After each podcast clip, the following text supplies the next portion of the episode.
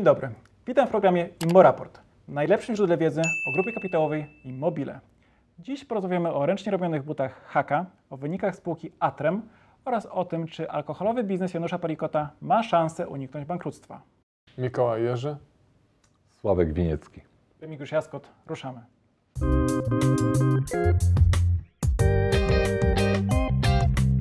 Haka Shoes by Acardo. Tak nazywa się marka butów, która jest rozwijana w grupie kapitałowej Immobile. Co istotne, są to buty ze skórzaną podeszwą, przyszywane metodą Blake. Tutaj ciekawostka, którą się Państwo pewnie nie spodziewacie.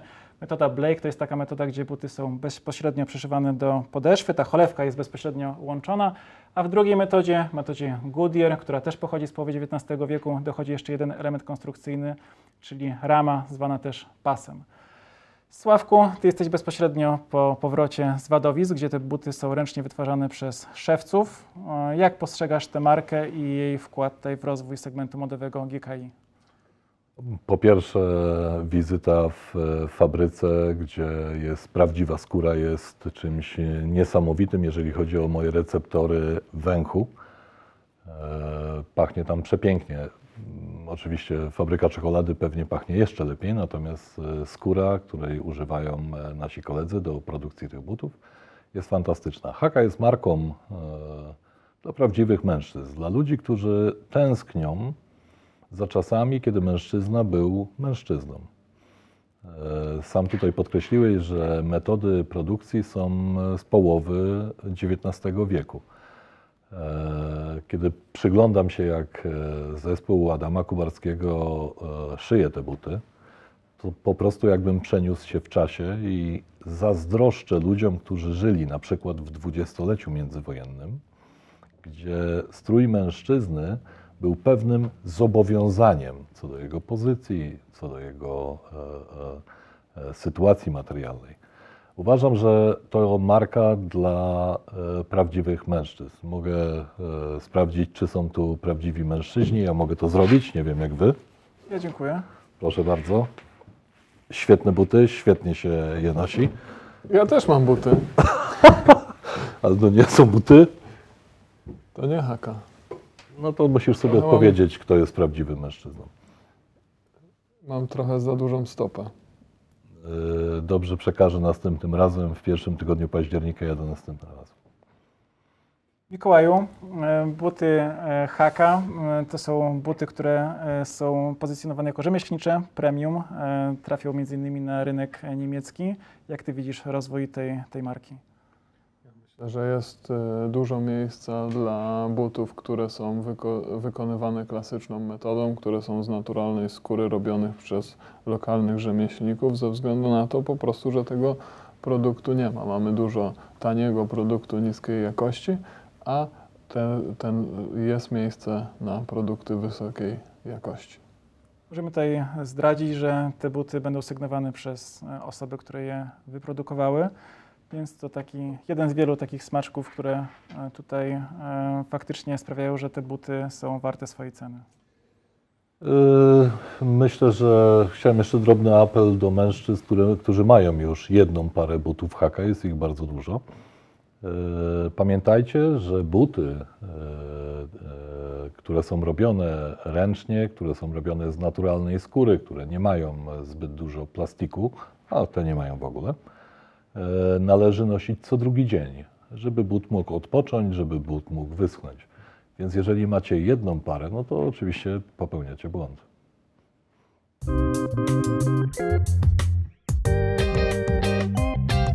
Znamy wyniki spółki Atrem. 51 milionów złotych przychodu, czyli 21% mniej niż rok temu. Mówimy o pierwszej połowie tego roku. Zysk wyniósł 20 tysięcy złotych, a portfel zamówień to aż 450 milionów. Odsyłamy do filmu, w którym prezes Andrzej Goławski i wiceprezes Przemysław Szmyt skomentowali wyniki, ale też opowiedzieli o tym, e, jak spółka pracuje e, nad przejęciami i planuje zbudować biometanownię. Mikołaju, jak ty postrzegasz e, te wyniki? Jeśli ktoś się nie interesuje spółką, może się tutaj zmartwić i pomyśleć, no jest gorzej niż rok temu. Co tam się dzieje? Przede wszystkim to spodziewaliśmy się tego, że, że powiedzmy, że te przychody będą niskie. E, Jeżeli chodzi o mnie, jak ja na to patrzę, no to ja patrzę zawsze z perspektywy długoterminowej, a portfel e, Atremu jest rekordowy. E, Jest poza tym duży potencjał na to, że on będzie rósł, więc w długim terminie wydaje się, że będzie dobrze. Sławku? Ja myślę, że to taki defekt małej spółki. Atrem jest jeszcze małą spółką i widać e, wrażliwość na pojedyncze kontrakty. Czyli e, to, co to, to o czym mówi Mikołaj, jest oczywiście e, czystą, nieska, nieskazitelną prawdą. Jest duży portfel zamówień, natomiast, natomiast przy mm, czterech, pięciu wiodących kontraktach po prostu specyfika tych kontraktów narzuca przychody. E, Okres projektowania jest okresem, który daje niewielkie przychody. Więc, e, więc niestety, ale Atrem musi być 4-5 5 razy większą spółką, żeby suma kontraktów nie powodowała e, okresowych wahań przychodów. E, Myślę, że to, co mówi Andrzej Gołaski, czyli przychody będą większe niż rok temu. Na koniec roku, tak. Na koniec roku wynika z tego, że po prostu rozkręcają się kontrakty, które e, są skonstruowane w oparciu o zaprojektuj i wybuduj. I po prostu Andrzej wejdzie z zespołem w fazę wykonawczą.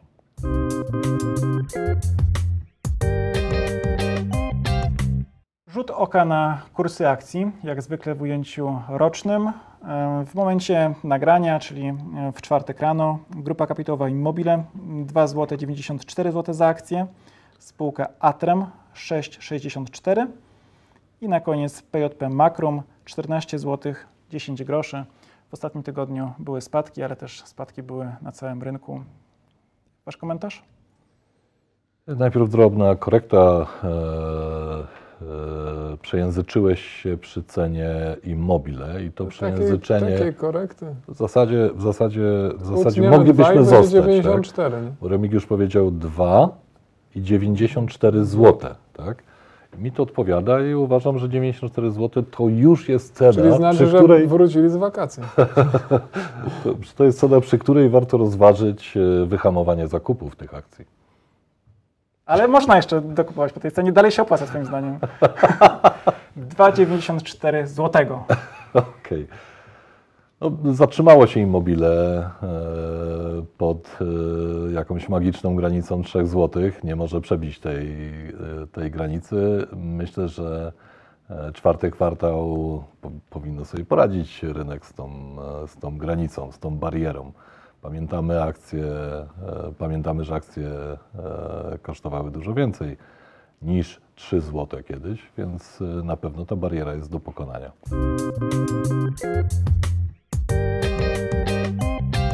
Wiemy coraz więcej o sytuacji w manufakturze piwa, wódki i wina, czyli w spółce Janusza Palikota, jak jest powszechnie nazywana.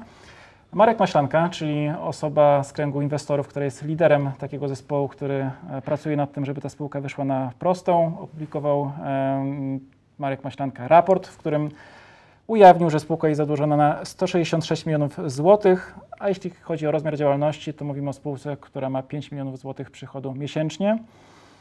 Kilka jest tutaj wątków. Chcę Was na początku zapytać, co myślicie o spółce, która zadłuża się w parabanku? Nie wiemy, jaka to jest kwota, bo tego nie podano. Natomiast chodzi o odsetki w wysokości 20% miesięcznie, czyli 240% w skali roku. Ja jak przeczytałem trochę materiałów na temat tej sprawy, to myślę, że niestety ubolewam, ale wydaje się, że to jest działanie zgodne ze założoną strategią i uważam, że tam główna koncentracja jest na sprzedaży akcji, tokenów, udziałów, zamiast na sprzedaży e, produktu. I stąd ten problem. Czy może to jeszcze być e, zby- zbytnia koncentracja na degustacji, bo zrobić 160 milionów długo oczywiście, e, jeśli to informacja prawdziwa. Przy 60 milionach rocznego zakładam przychodu, czyli, e, czyli przychodu netto, no to może jest problem w degustacji, wiesz, bo, bo nikt na trzeźwo może tam nie podejmuje decyzji. Znaczy, ja pamiętam, ja pamiętam, jak była moda na, e, na tokeny, wszystkie te rozwiązania takie krypto i była właśnie taka narracja, że to jest e, właśnie taka wolność, bo GPW wszystkich zniewala. Ja e, jestem w stanie pod, podjąć się dyskusji na argumenty na to, czy na przykład nasz rynek kapitałowy nie jest przeregulowany lekko, ale pamiętam, że wszystkie regulacje wprowadzane są z reguły po dużych aferach finansowych, żeby chronić inwestorów e, przed tym, żeby te afery się powtórzyły. I duża Znaczy, część nie tych, powtórzyły. żeby się już nie powtórzyły. Dlatego dla inwestora indywidualnego najlepszym miejscem w Polsce do inwestowania w jednostki e, udziałowe, jakimi są akcje, jest giełda papierów wartościowych. Zgadzam się z Tobą. E, e, Myślę, że z tego, można, z te- z tego zdarzenia można wyciągnąć jeszcze jeden wniosek. Janusz Palikot kojarzy mi się z polityką. W mojej ocenie e, politykiem. Dość ekscentrycznym posłem był, z tego co pamiętam. Natomiast, cóż, naród wierzy politykom. Ale jak widać na załączonym obrazku, ta wiara może być bezpodstawna tutaj w przypadku tej spółki na 160 milionów. Niestety. U- Jeszcze Państwu zdradzę, że Mikołaj, kiedy tutaj zobaczył te liczby, zapytał w sumie, gdzie jest prawdziwy raport taki giełdowy. No i faktycznie jest tak, że jeśli chodzi o, tych, o te osoby, które w crowdfundingu włożyły swoje pieniądze, to one tylko mogą liczyć na to, że Marek Maślanka na LinkedInie opublikuje coś, gdzie nie podpisał się potem żaden audytor, żaden księgowy, tylko Marek Maślanka podaje swoje liczby i musimy w to wierzyć. Jeszcze cały ten, ja, ja po całym tym raporcie, który, Tak, który mamy tutaj 10 przejrzałem, stron. To ja też wnioskuję z tego raportu, że to jest raport przygotowany pod kolejną, e, pod kolejną e, emisję, e, a tam bardzo mało jest o strategii produktowej, o tym, jak, chce, jak, jak, jak chcą sprzedawać te produkty. Znaczy, ja E, widzę tutaj taki ciągle konflikt, jest, bo mówią... że jeszcze tylko trochę dopłacicie i Tak. już zaraz będzie dobrze, tak? A poza tym jest e, tutaj wprost napisane, że e, czyli działalność operacyjna niejako tej grupy jest, polega na redukcji tego długu, żeby w to miejsce móc wziąć następny. Więc stąd wnioskuję, że strategią jest po prostu pozyskiwanie e, kapitału, w którym są bardzo efektywni, ale zwracam uwagę na bardzo duże koszty emisji, które często przekraczają 10% w- na samych prowizjach za pozyskanie tego kapitału. Więc już widać, że mamy do czynienia z kapitałem wysokiego ryzyka. Myślę, że inwestorzy mm, mogą nie być dostatecznie dobrze poinformowani, że de facto inwestują w produkt o bardzo dużym ryzyku inwestycyjnym. Spółka mówi, że ma 15 produktów, no, które wdraża i niektóre z nich już są blisko mm, wysłania na rynek, tylko nie wiem, jak chcą to zrobić, skoro na przykład za czerwiec to jest milion złotych zaległości wobec pracowników, za lipiec i sierpień te dane nie są ujawnione, więc nie wiem, jak to to opchnie, mówiąc kolokwialnie. Idąc, idąc strategią, to pewnie zaproponują akcje pracownicze. Niestety ubolewam nad wszystkimi osobami, które za swoją pracę nie dostaną wynagrodzenia, bo uważam, że ich, e, ich, e, ich tutaj zobowiązania wobec nich też należy uznać za zagrożone. To są produkty alkoholowe, e, więc e, kiedyś rozmawialiśmy o tym, że bardzo e, dobrze jest poznać produkt e, spółki, w którą się inwestuje, tak? Że bardzo dobrze, że akcje Coca-Coli mają powodzenie z powodu tego, że to rozpoznawalny brand i ci, którzy piją i tak dalej, i tak dalej. Nie róbcie tego tym razem. To naprawdę źle wychodzi, kiedy degustuje się e, alkohol i chce się inwestować w spółki, e, które, e, które ten alkohol przetwarzają i produkują. No nie róbcie tego. No to, my to kiedyś mówiliśmy, ale podawaliśmy Coca-Colę, podawaliśmy słodycze, jakieś inne rzeczy, które nie zaburzają umysłu i nie powodują przekrzywienia percepcji inwestycyjnej.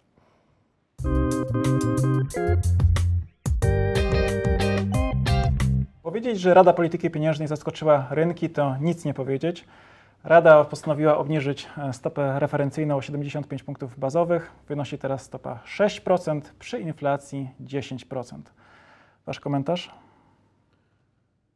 Po pierwsze, każdego, kto e, zna e, pana profesora poglądy, już e, też te uczelniane, o których na tym kanale mówił e, Piotr Kulesa, który notabene e, uczęszczał na zajęcia do pana profesora na, w Szkole Głównej Handlowej. Tak, wszystkiego tego to nie jest zaskoczenie.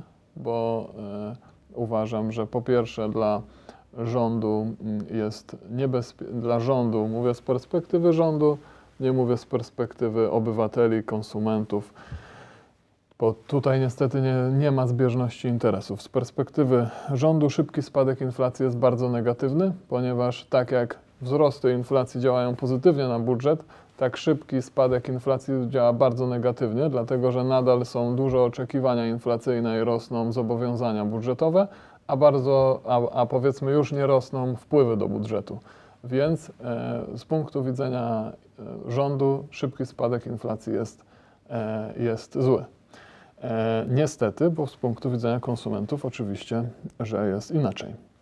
A poza tym bardzo e, często pan profesor zwraca uwagę na to, że e, warto wspierać nasz eksport, bo polska gospodarka jest gospodarką eksportową poprzez słaby złoty. Złoty od kilku miesięcy był bardzo mocny, e, więc myślę, że to jest element jakby też realizacji e, tej strategii, z którą pan profesor latami się nie krył, więc nie wiem skąd zaskoczenie tego e, rynku tym, tym bardziej, że konsensus rynkowy zakładał już od jakiegoś miesiąca, że o 1% zostanie, zostaną stopy do końca roku obniżone, więc No tak, ale konsensus tak, tak Więc, samo e, zakładał obniżkę teraz o 0,25, bo tak komunikował to No prezes dobrze, Glapiński no to przez ostatnie W tej miesiące. perspektywy może być zaskoczony rynek e, finansowy.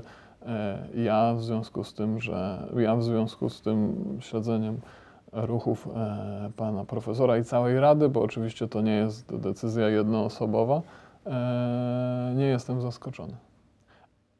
Ale oczywiście dla nas najważniejszy komunikat to jest taki, że GKI w skali roku na tej obniżce e, oszczędzi około 1,5 miliona złotych i tyle będzie mniejszych odsetek. Jeszcze jedno pytanie, poproszę odpowiedź tak, nie. Czy w przyszłym roku będą podwyżki stóp? Ja tego nie wiem. Okej.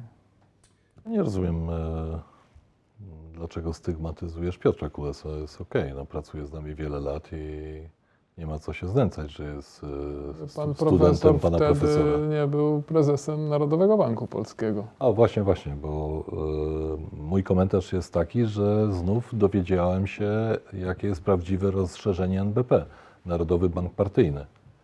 Ponieważ e, e, kompletnie wyciąłeś ze swojej wypowiedzi, co mnie zaskakuje, wątek wyborczy. E, Po obniżeniu stóp teraz banki roześlą do swoich klientów maile o aktualnych ratach kredytowych. I jeżeli nie widzisz w tym działania politycznego, Ja partyjnego, ja nie powiedziałem, że tego nie widzę, a pominąłem ten wątek z uwagi na to, że naj, większość problemów gospodarczych e, kraju bierze się z postrzegania, bierze się z tego, że, że obywatele danego kraju przestaną wierzyć tego typu instytucjom. I z tego powodu e, szerzenie jakiegoś strachu jest, jest, e, jest po prostu negatywne. Czy ja e, i dlatego lepiej mieć nadzieję, że po prostu jest to, za, jest to rozwiązanie planowane i jest za tym jakiś głębszy sens. Tak, jest głębsze. Niż tylko jest, to, co się ma wydarzyć 15 października. No właśnie. To jest e, w mojej ocenie to jest ten głębszy sens. E, Czy będą podwyżki stóp? E, Zadaniem Rady Polityki Pieniężnej jest reakcja na inflację.